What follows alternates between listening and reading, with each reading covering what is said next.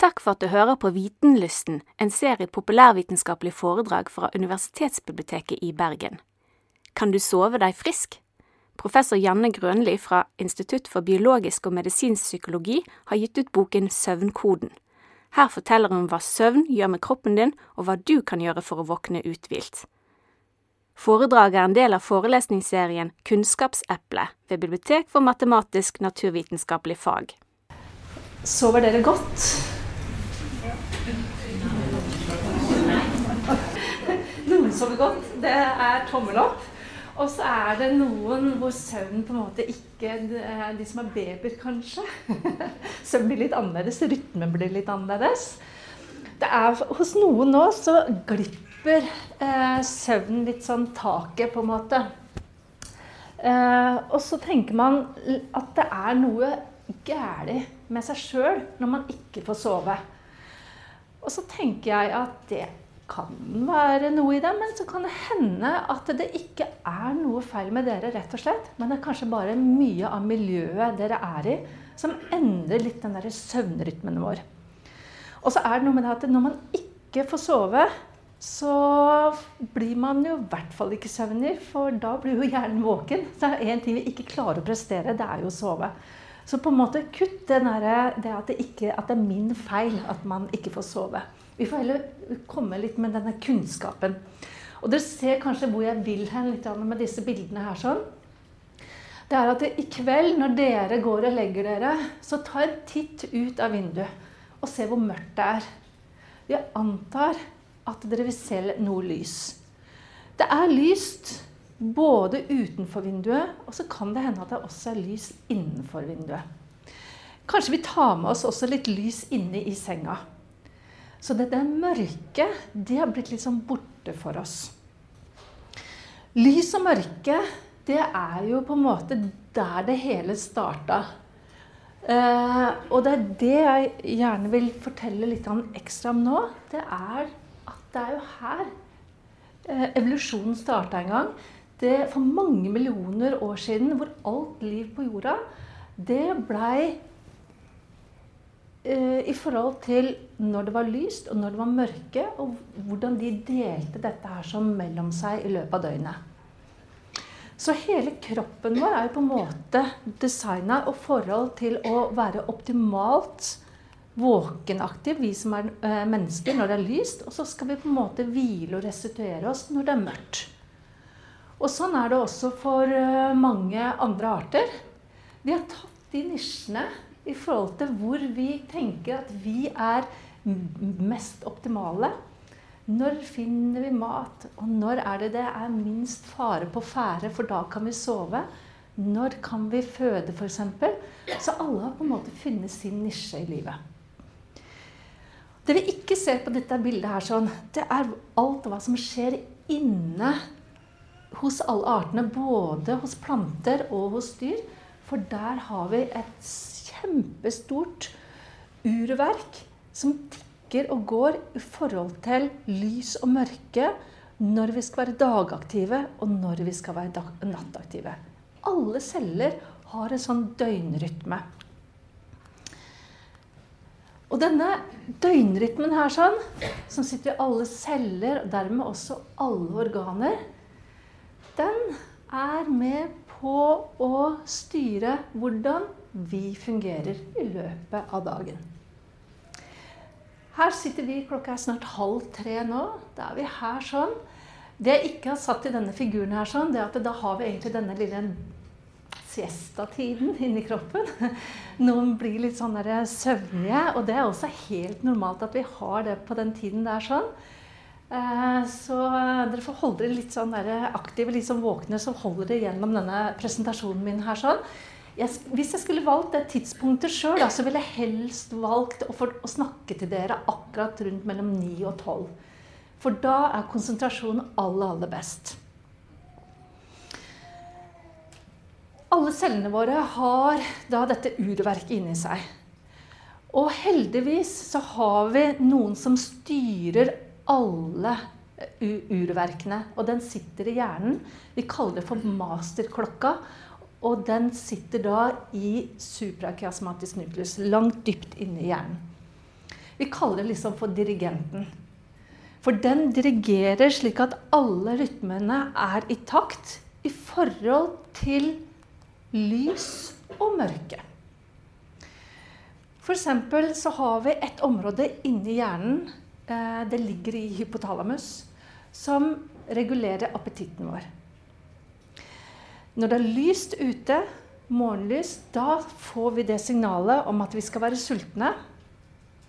Dette signalet her sånn vet også leveren om, ganske langt ifra hjernen egentlig.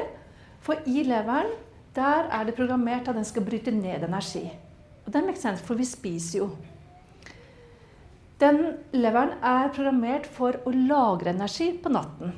Dvs. Si at hvis vi spiser energi på natten, eller spiser noe, så blir det lagret som litt ekstra energi og fett. Så det er ikke så gunstig å, å spise på den tiden på natten. Så går vi videre til tarmen. Tarmen er jo også programmert til, til å fordøye maten, og det er på dagen. Han er jo ikke eh, programmert til å tømme seg midt på natten. Så det er sjelden at vi går på do midt på natten, men det gjør vi på morgenkvisten. Så alle dette her sånn, har en sånn rytme på seg. Um, det som har skjedd nå de siste kanskje ja, 100-130 årene, det er at vi har fått veldig mye kunstig lys. Ja, vi har liksom ikke bare dagslyset. Vi har ikke bare skumringen. Kanskje ikke engang opplever at det er et skille mellom lys og mørke og skumring lenger. For vi bruker mye kunstig lys. Så hvis du ser dette her sånn evolusjonsmessig, så har det gått i rasende fart akkurat det her som på slutten her sånn. For da begynner ikke bare elektriske lyset som kom da for ca. 130 år siden, men vi begynner å bade oss i lys i skjermer. Og den setter vi på spesielt da altså på kvelden. Hvor på en måte at det gir oss helt feil signal. Så hva gjør det med oss? Dette er litt sånn komplisert eh, eh, slide, men jeg skal gå gjennom det.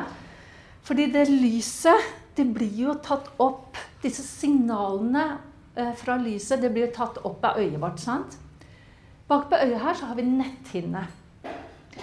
I den netthinnen her sånn, så er det mange forskjellige celler som tar imot signalet om lys.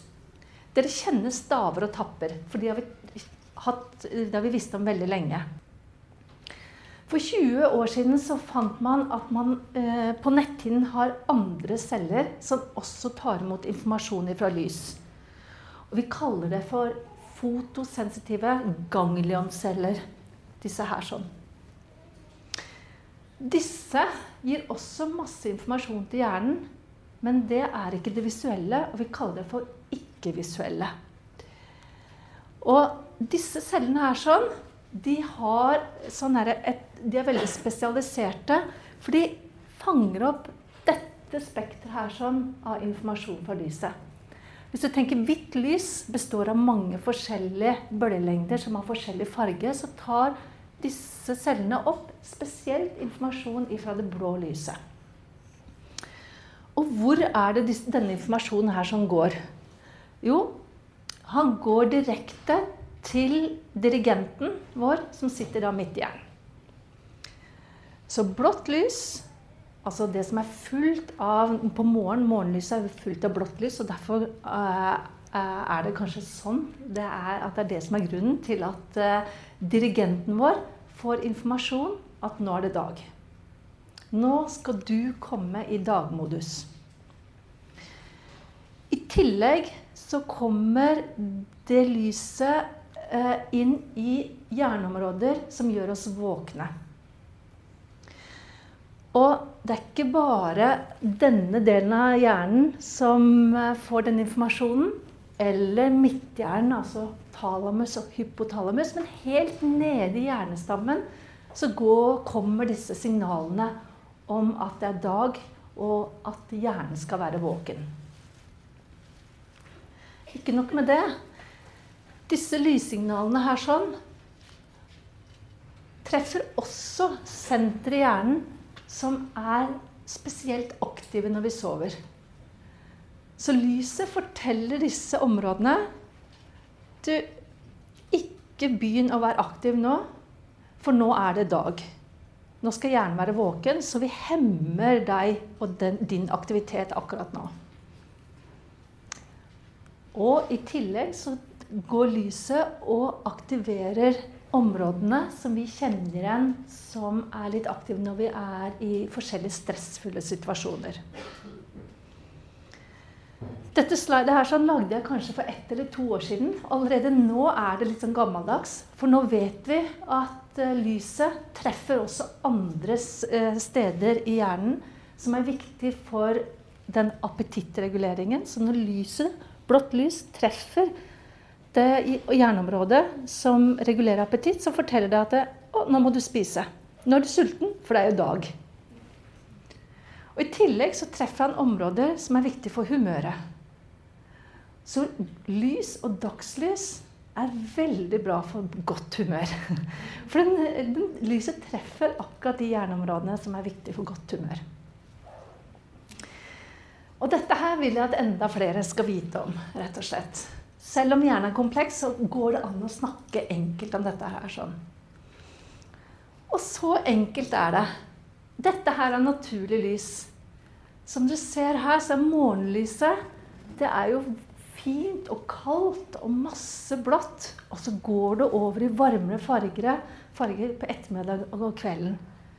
Og det er slik egentlig alt av fysiologien vår er eh, skapt til å ta imot informasjon fra.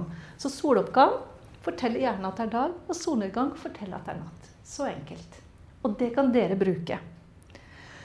Så hvis dere står opp, trekker for gardinene, sier til hjernen at 'nå er det dag', da blir det dag i kroppen deres.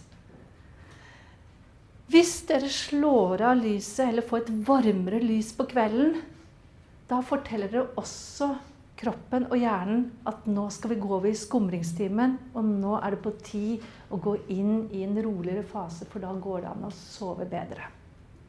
Så dette her som går det an å manipulere aktivt for å sove bedre. Være mer våken på dagtid og sove bedre på kvelden.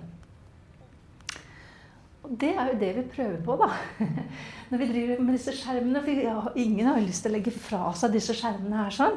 For det er veldig mye spennende som er på dem. Kanskje en Netflix-serie til, eller whatever. Som dere ser her sånn, dette her, blå lyset her er jo ganske likt det som kommer på morgenen. sant? Og det får jo da denne informasjonen fra øynene og direkte inn i hjernen og forteller at det er dagmodus. Hvis vi setter på nattmoduset på alle disse mobilene Alle disse smarttelefonene har jo sånn nattmodus nå. Eller at vi laster ned som filter. Dvs. Si at vi tar vekk det lyset, og så åpner vi opp for det lyset her sånn. Da kan vi også prøve å lage det til at det blir litt sånn skumring. Også på skjermen. Og det fungerer veldig godt. Så her er det eh, litt sånn tekniske data på at eh, sånn ser det ut hvis du sitter foran en iPad. Her har du masse blått lys. Og her sitter du foran samme iPaden, og så har du det filteret. Og da ser du at du filtrerer veldig mye av det blå lyset. Så det fungerer veldig godt. Så husk det. Det er mange måter å ta vekk lyset på. Du har disse filtrene, men du kan også bruke briller. Disse brillene her som vi bruker i forskningen vår, eh, har vi testa ut at de virker. For de tar vekk alt det blå lyset, og så åpner de opp for det varmere lyset her sånn.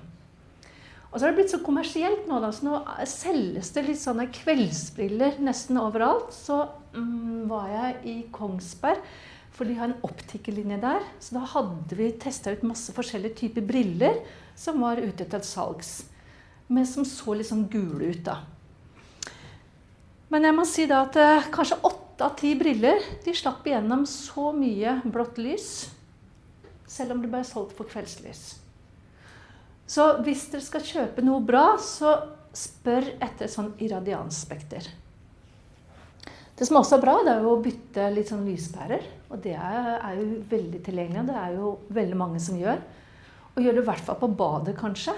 For et bad er kanskje det siste rommet vi går i før vi går til senga. Og setter på masse lys hvor vi skal pusse tennene og, kose, og, så, og være der noen minutter. Så sett på liksom varmt lys der.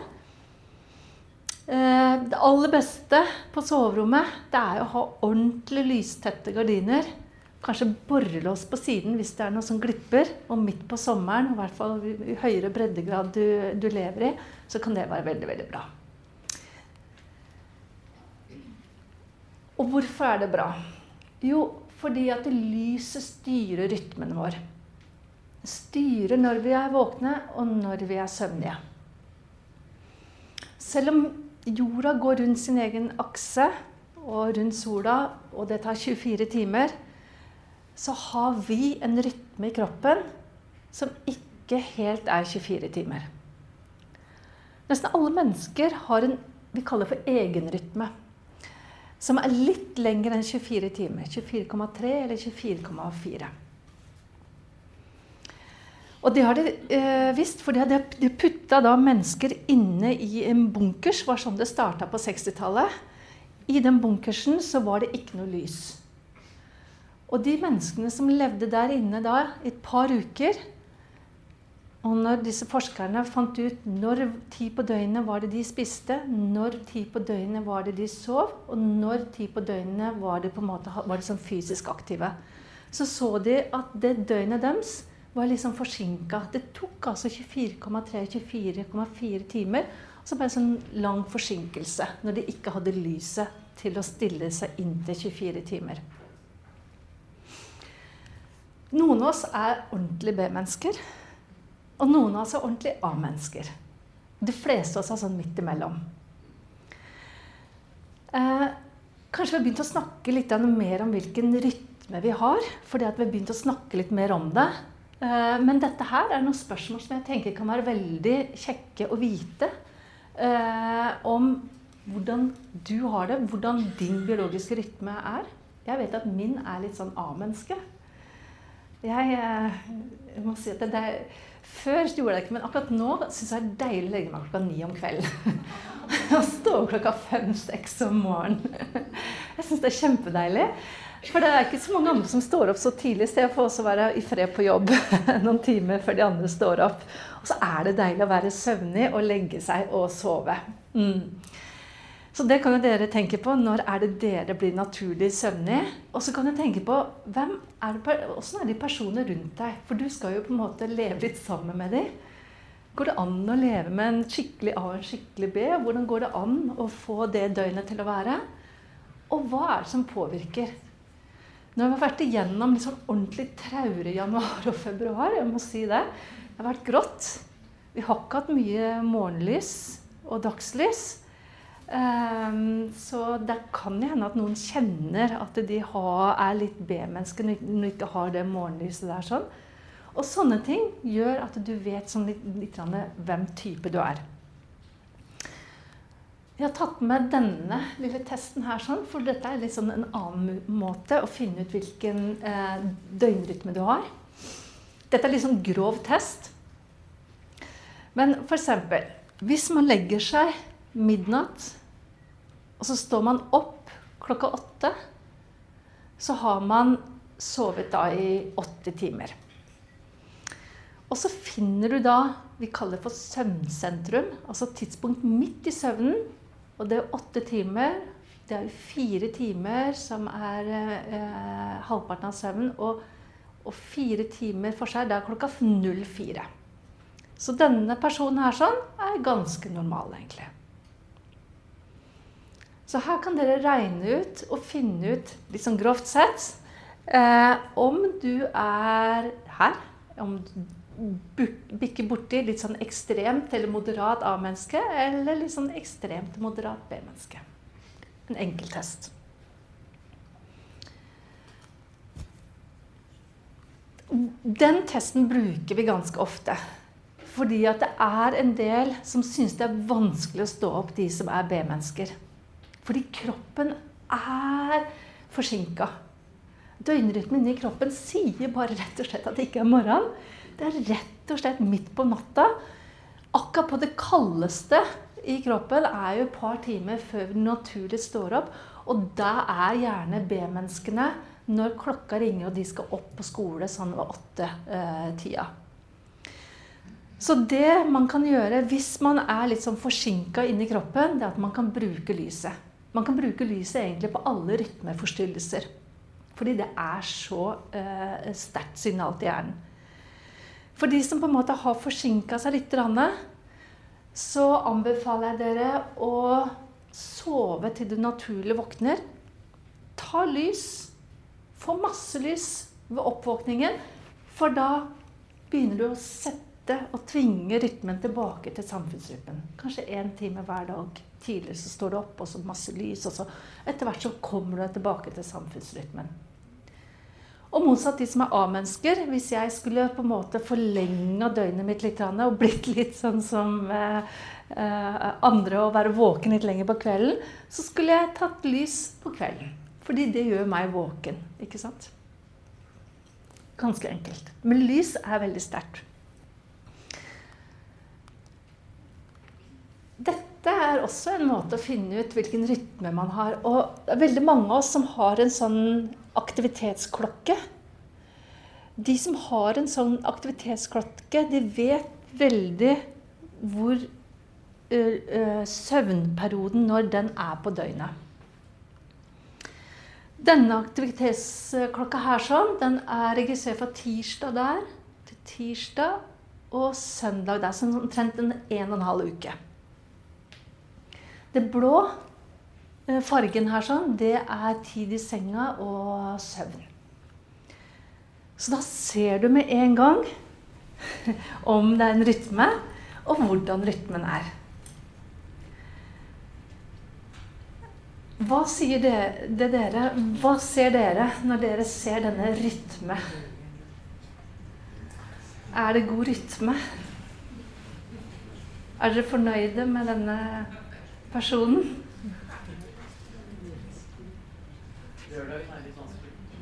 Lørdagen er litt vanskelig. Jeg kjenner Liv, så Liv veit hun kan mye. Her er lørdag, og her er lørdag. Og da ser du Da forskyves det. Hver uke. I hvert fall begge lørdagene er sånn. Og dette var når jeg var ung, og da, da rangla jeg litt på lørdager. Må innrømme det. Men også, hvis, hvis, vi bruker denne her sånn nå, da, til å forstå en annen ting Og det er dette her. Dette er en veldig moderne måte. Altså en ny søvnsykdom, nesten. Sosial jetlag. Det ordet kom i 2006. Rett og slett hvor man skulle få et ord på denne ranglinga. For det er jo ikke så lett hvis man rangler så mye at man ikke klarer å sovne på mandag å stå opp på mandag eller tirsdag onsdag, så kommer det rute, og så er det ny helg, og så blir det hele tida denne rytmeforstyrrelsen. Så hvis du tar meg som et eksempel her, sånn, så har jeg dette her er ukedagene mine, la oss si det sånn. Og da har jeg midtime sleep på klokka tre. Så det ser bra ut. Ukedagene så er det veldig, veldig fint. På fredag så begynner jeg å sjangle litt. Og da har jeg mitt søvnsentrum her sånn på ca. klokka fem. Så da var det to timer forskyvelse. På lørdag så havna jeg borti åtte, som var søvnsentrumet mitt. Det er jo voldsomt. Da var jeg ung, tenker jeg. Men poenget her sånn Hvis jeg hadde da søvnsentrum klokka tre her og åtte her, da er det fem timers forskjell. Og det er nesten som jeg er på vei over Atlanteren og nesten havna i Amerika. Og sånn er det veldig mange som driver på med og har. Og da blir det som mismatch med slike eh, signaler om alle andre rytmer i kroppen. Om det å fordøye, f.eks. For om hvordan hjertet, og om hvordan musklene og om hvordan hjernen skal jobbe. Så dere kan jo også beregne det. Eh, da tar dere sånn søvnsentrum ukedager og søvnsentrum i helgedager. Så ser du differansen, så ser du eh, hvor langt dere kommer over til USA på, hos dere. Hos noen så fungerer det godt å komme i rute igjen. Men hvis dette her blir et problem å komme seg tilbake igjen, så anbefaler jeg dere å stå opp til samme tidspunkt. Det kan hende at søvnlengden blir litt kortere. Hvis det butter på litt da på dagtid, så tar du en høneblund.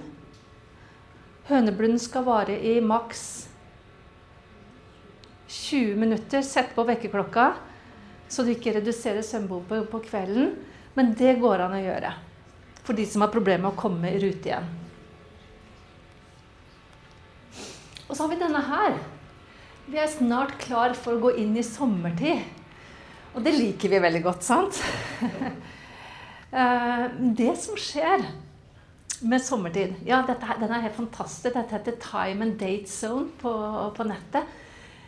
Um, dette her er hvor mange timer i døgnet hvor det er mørke, og mange timer i døgnet som er dagslys. Og så har du litt sånn tussmørke her sånn. Så dere ser nå at det, dette er dagen hvor vi er her nå. Da begynner vi å få mer og mer og mer dagslys. Vi syns det er kjempedeilig. sant? Eh, og så kommer denne dagen her sånn, hvor vi skal gå over til sommertid. Hva skjer da? For det første så kniper vi én time på søvnen vår. For døgnet blir én time kortere. Og det andre som skjer, det er at vi forskyver lys og mørke en time. Så tenker vi at det, det, går fint. Det er jo bare en time. Og så har man begynt å finne ut at dette er det, går det fint med oss de første dagene etter at vi gjør en litt sånn brå forandring som det der sånn. Og da har man sett at man presterer ikke like godt på dagtid de første dagene her borte. Og i Irland så kartlagde de trafikkulykker. Eh, her er over til sommertid, så like etter eh, det ble sommertid, så hadde du en stor økning med trafikkulykker. Her er også trafikkulykker i California. Som du ser, her er søndag, her er mandag, her er tirsdag. Og så begynner det å normalisere seg igjen. Men det tar noen dager eh, ved at vi er litt sårbare for akkurat det der med vi har sovet lite, og at det er et annet døgn inni kroppen enn det det er i samfunnet rundt oss. Svenskene de har sjekka da hvor mange som kommer inn på sykehuset for hjerteinfarkt. Så dette her er data fra overgangen fra vintertid til sommertid, når det knipes en time. Og da ser du også de første dagene så har du en økning i antall hjerteinfarkt. Og motsatt, når det blir høst, når vi får én time ekstra, da er det mindre trafikkulykker og mindre hjerteinfarkt. Så den ene timen der sånn gjør noe, så får vi se hvor lenge vi har disse eh, skiftene mellom eh, eh, vintertid og sommertid. Så det jeg vil si til dere, og det tror jeg dere har forstått når dere må stå opp, og så må dere få lys og så tenker jeg at vi må også tenke hvor mye dagslys får vi. Hvem er det som får to timer dagslys nå?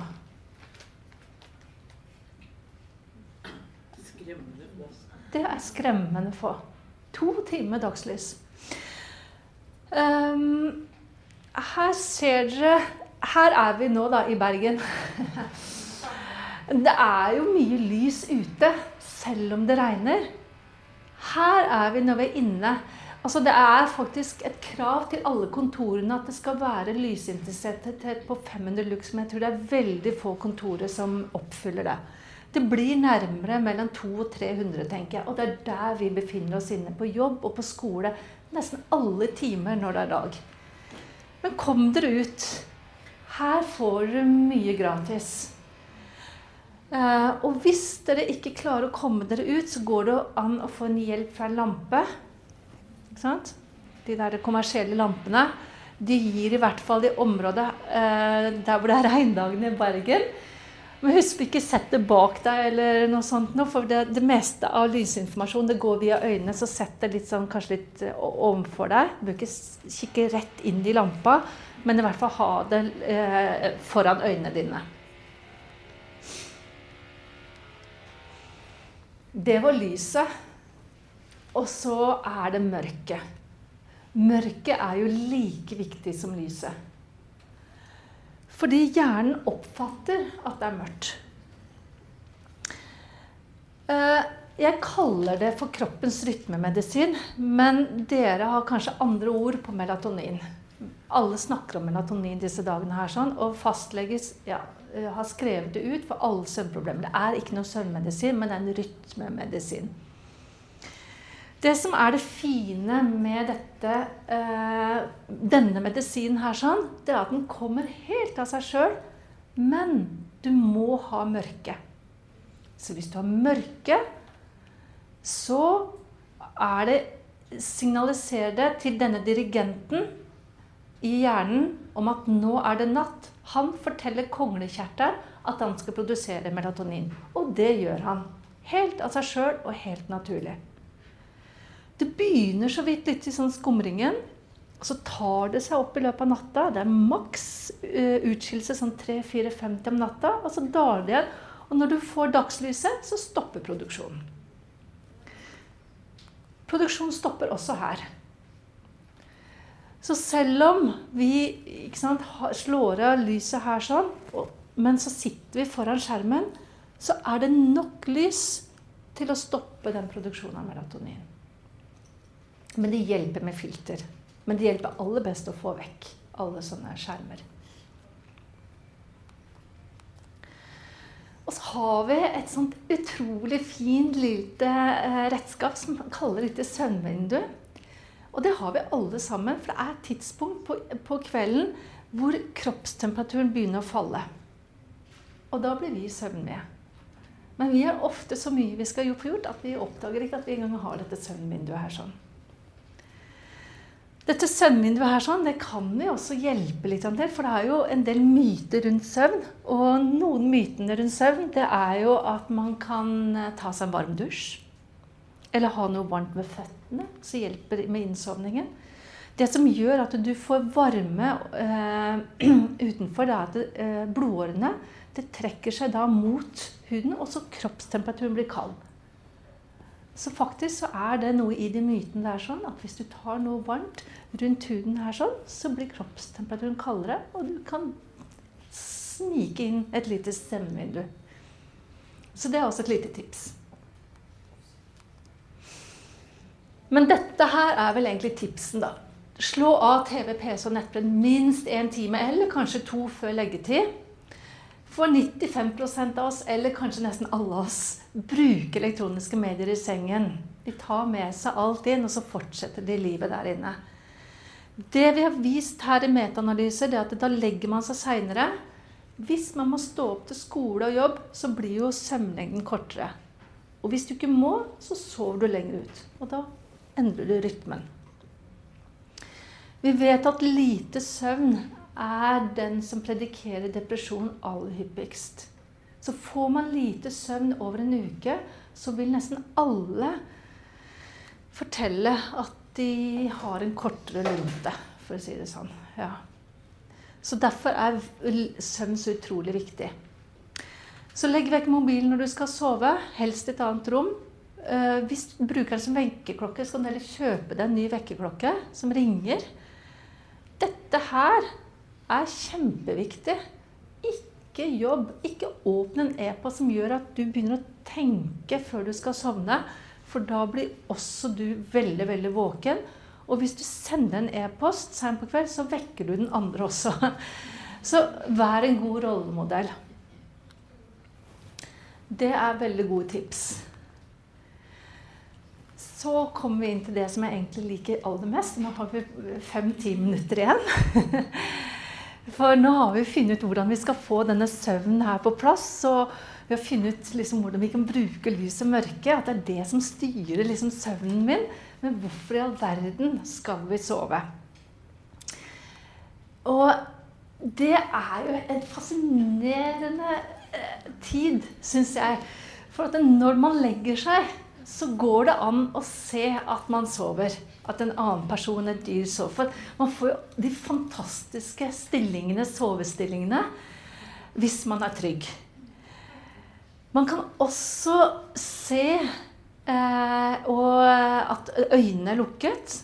Og så kan man høre at pusten blir sånn regelmessig. Så det er ganske sånn enkelt å se at en person eller et dyr sover. Men det du ikke ser, det er alt som skjer inni kroppen når du sover. Dette er sikkert litt komplisert. Men dette her er noe av det som skjer, målt med sånn overflateelektrode for, for å finne ut hjerneaktiviteten. Jeg vil også begynne med hvordan det ser ut når du er våken.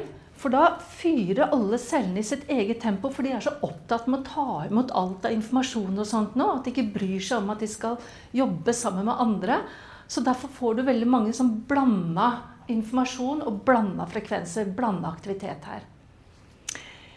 Denne aktiviteten her, sånn, når du på en måte sitter og er avslappa og ikke gjør noen ting, det gjør at hjernecellene klarer å prosessere og huske det du har gjort. Slik at de snakker sammen, og kanskje du kommer faktisk eh, på en ny idé. For endelig så får de tid til å, å være i kontakt med hverandre. Så jeg anbefaler å være litt avslappa våken. 10-15 minutter i hvert fall i løpet av dag, og kanskje flere ganger i løpet av dagen. Dere vil få veldig mye utbytte av det.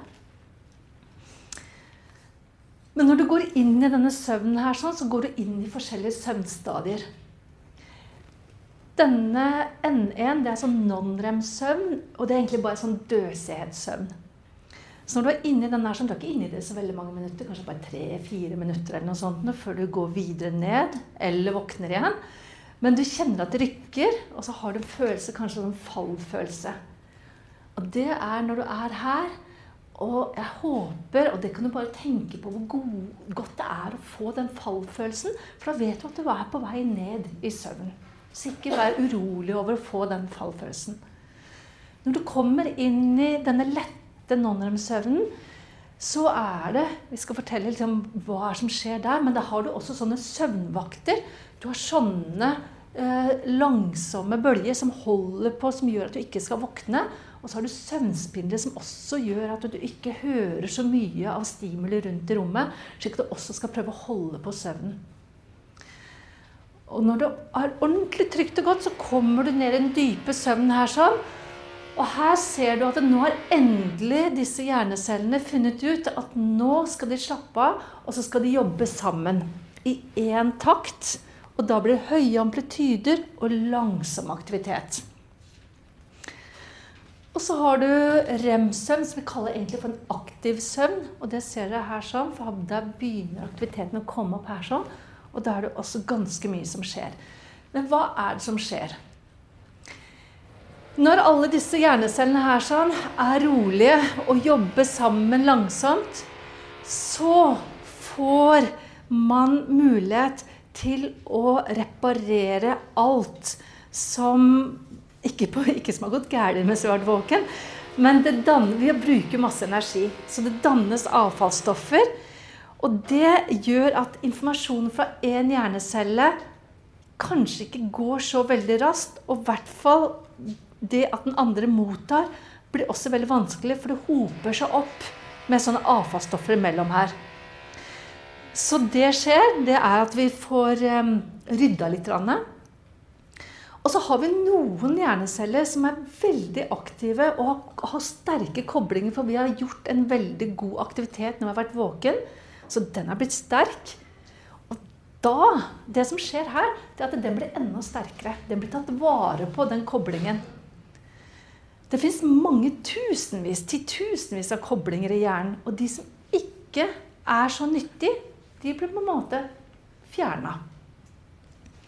Og så blir det danna masse nye næringsstoffer her, sånn, proteiner, som man også bruker for at den også skal ha noe lager når vi er våken. Her har vi da rengjøringshjelpa, altså fjerne alle avfallsstoffer. Og denne her sånn, gutten eh, han viser også noe, for at under den dype søvnen her så skilles det ut veksthormon. Utrolig viktig for de som skal vokse og bli store. Men det er også viktig for oss, for det er med på å øh, opprettholde god muskulatur og skjelett. Så vi trenger denne tiden her sånn. Immunsystemet den får tid til å produsere nye cytokiner.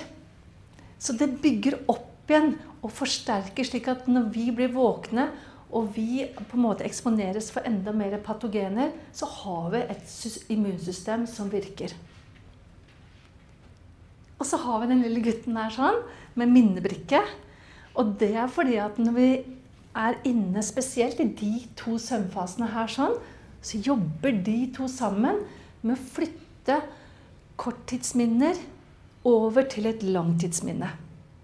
Og så, og så husker vi hva som har skjedd i løpet av dagen. Dette er bare noe av det som skjer når vi sover. Uh, dette her er uh, et lite eksempel på at disse søvnfasene kommer liksom ikke tilfeldig. De kommer som bestemt mønster i løpet av natten. Uh, vi må gjennom litt sånn non-rem-søvn før vi kommer til rem-søvn, og det tar ca. 90 minutter. Vi kaller det for en søvnsyklus. Og så starter vi på en ny søvnsyklus. Og en ny. Og en ny 90 minutter. Og så er det helt normalt å våkne litt når vi er ferdig med én søvnsyklus og skal over til en annen. Så hvis dere våkner i løpet av natten, så er det helt normalt.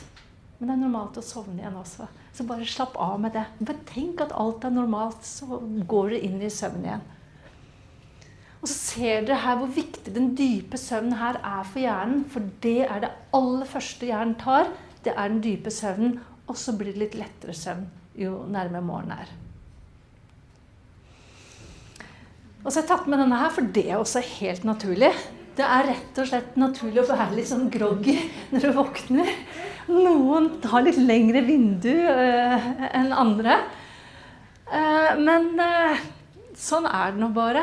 Um, hvis du våkner fra den dype søvnen, så tar det litt lengre tid å, være, å gjøre litt sånn kompliserte oppgaver, eller svare riktig kanskje, eller være blid, eh, i forhold til å våkne fra lett søvn og rem-søvn. Mm. Og her, i 2015, så kom det med anbefalte søvnlengder.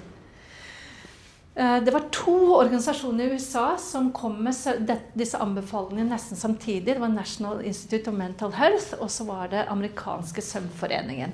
Og de er egentlig veldig enige at unge voksne Sju til ni timer, og dette holder du egentlig livet ut. Bakgrunnen for dette er, sånn, er at de som sover sju til ni timer, de har minst helseplager sammenlignet med de som sover kortere og lengre. Så det er det som er bakgrunnen for den anbefalingen.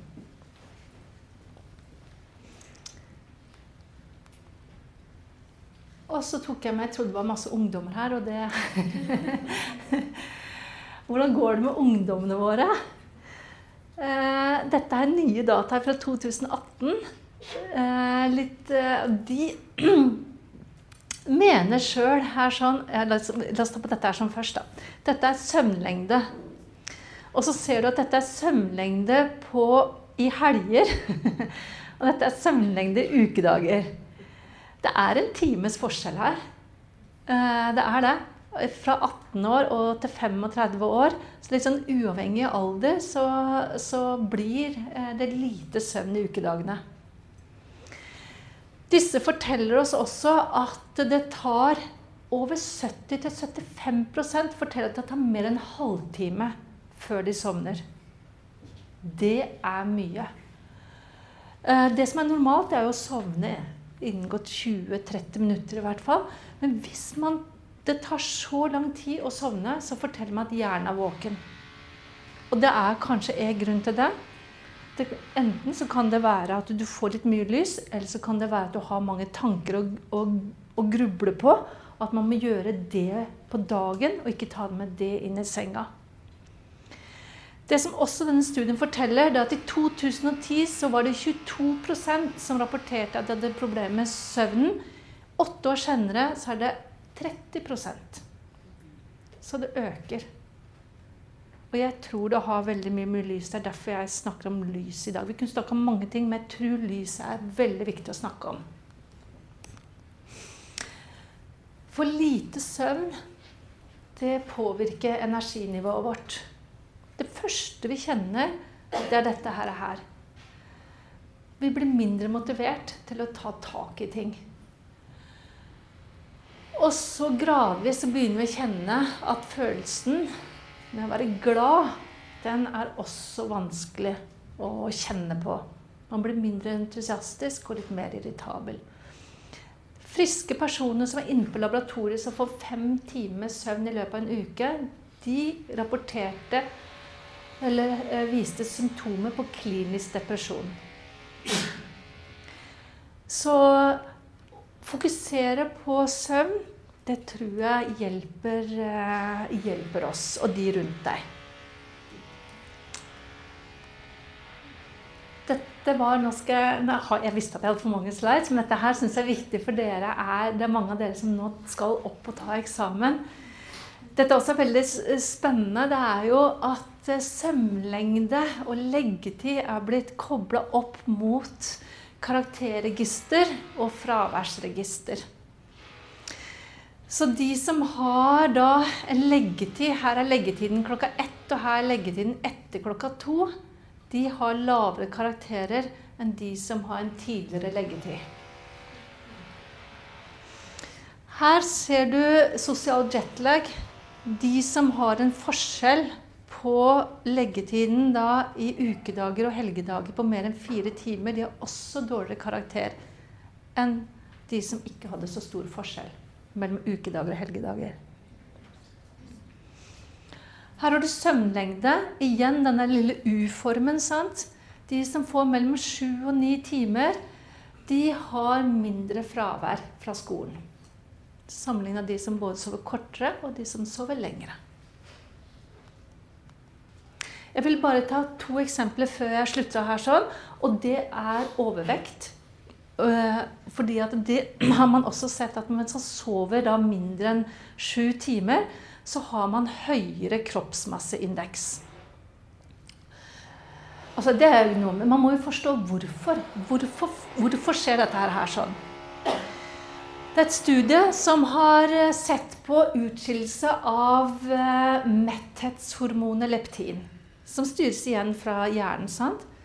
Så man har jo da masse utskillelse av eh, metthetshormonet i løpet av en dag. Så de som får tolv timer i senga, de skiller ut ganske mye metthetshormon. De som har bare fire timer i senga, får lov til å være fire timer i senga og sove, de har mye mindre utskillelse av dette metthetshormonet. Så det sier oss egentlig at de som sover kort, det er informasjonen hjernen gir. Du må spise, og etter å ha spist, er du fortsatt sulten. Man får ikke den fine balansen at man er, eh, er mett på riktig tid. Det andre eksempelet jeg vil fortelle, det er om dette her sånn. Det er inni hjernen så har vi et senter som styrer følelsene våre. Og det heter amygdala. Amygdala også er litt sånn fryktsenteret. Dette studiet her sånn, gjorde et veldig enkelt studie. De bare holdt personer våkne en natt, og så sammenligna med de som fikk søvn en natt. Og så tok de hjerneavbilding av amygdala. Det man ser her sånn, det er at de som har sovet, de har jo en bra amygdala, men han er jo ikke eh, der. Her har du amygdala hos de som ikke sov. Den ble større, og så var den mye mer aktiv. I tillegg så fant de også at det skal jo være koblinger, for vi har jo masse hjernenettverk. Og når disse hjernenettverkene sånn, snakker sammen, så fungerer vi, og så kan vi også, når, hvis vi er i en utfordrende situasjon, og vi ser at dette her er kanskje litt fryktelig, dette er skummelt, så kan vi koble til et minne i hippocampus og si mm, 'Har jeg vært her sånn før?' Nei. Eh, ok, dette her var jo ikke skummelt. Så kan vi koble det av igjen. ikke sant? Eller at vi må koble på eh, denne delen av hjernen, cortex, her sånn, og fortelle hva er det fornuftig av meg å reagere sånn, eller er det fornuftig av meg å ikke reagere sånn. Disse eh, måtene å jobbe sammen på, det styrkes også under søvn. Så det så man også i dette her sånn. Etter én natt med søvn så hadde dette fornuftssenteret og alarmsenteret en god kobling. Men det forsvant Eller ble i hvert fall svekka etter én natt med lite søvn. Og det vil si at det kan hende at vi blir litt sånn. At vi ser verden rundt oss litt annerledes enn det den egentlig er. Nå er klokka ti år, jeg tror nesten jeg må slutte. Tusen takk for at du kom.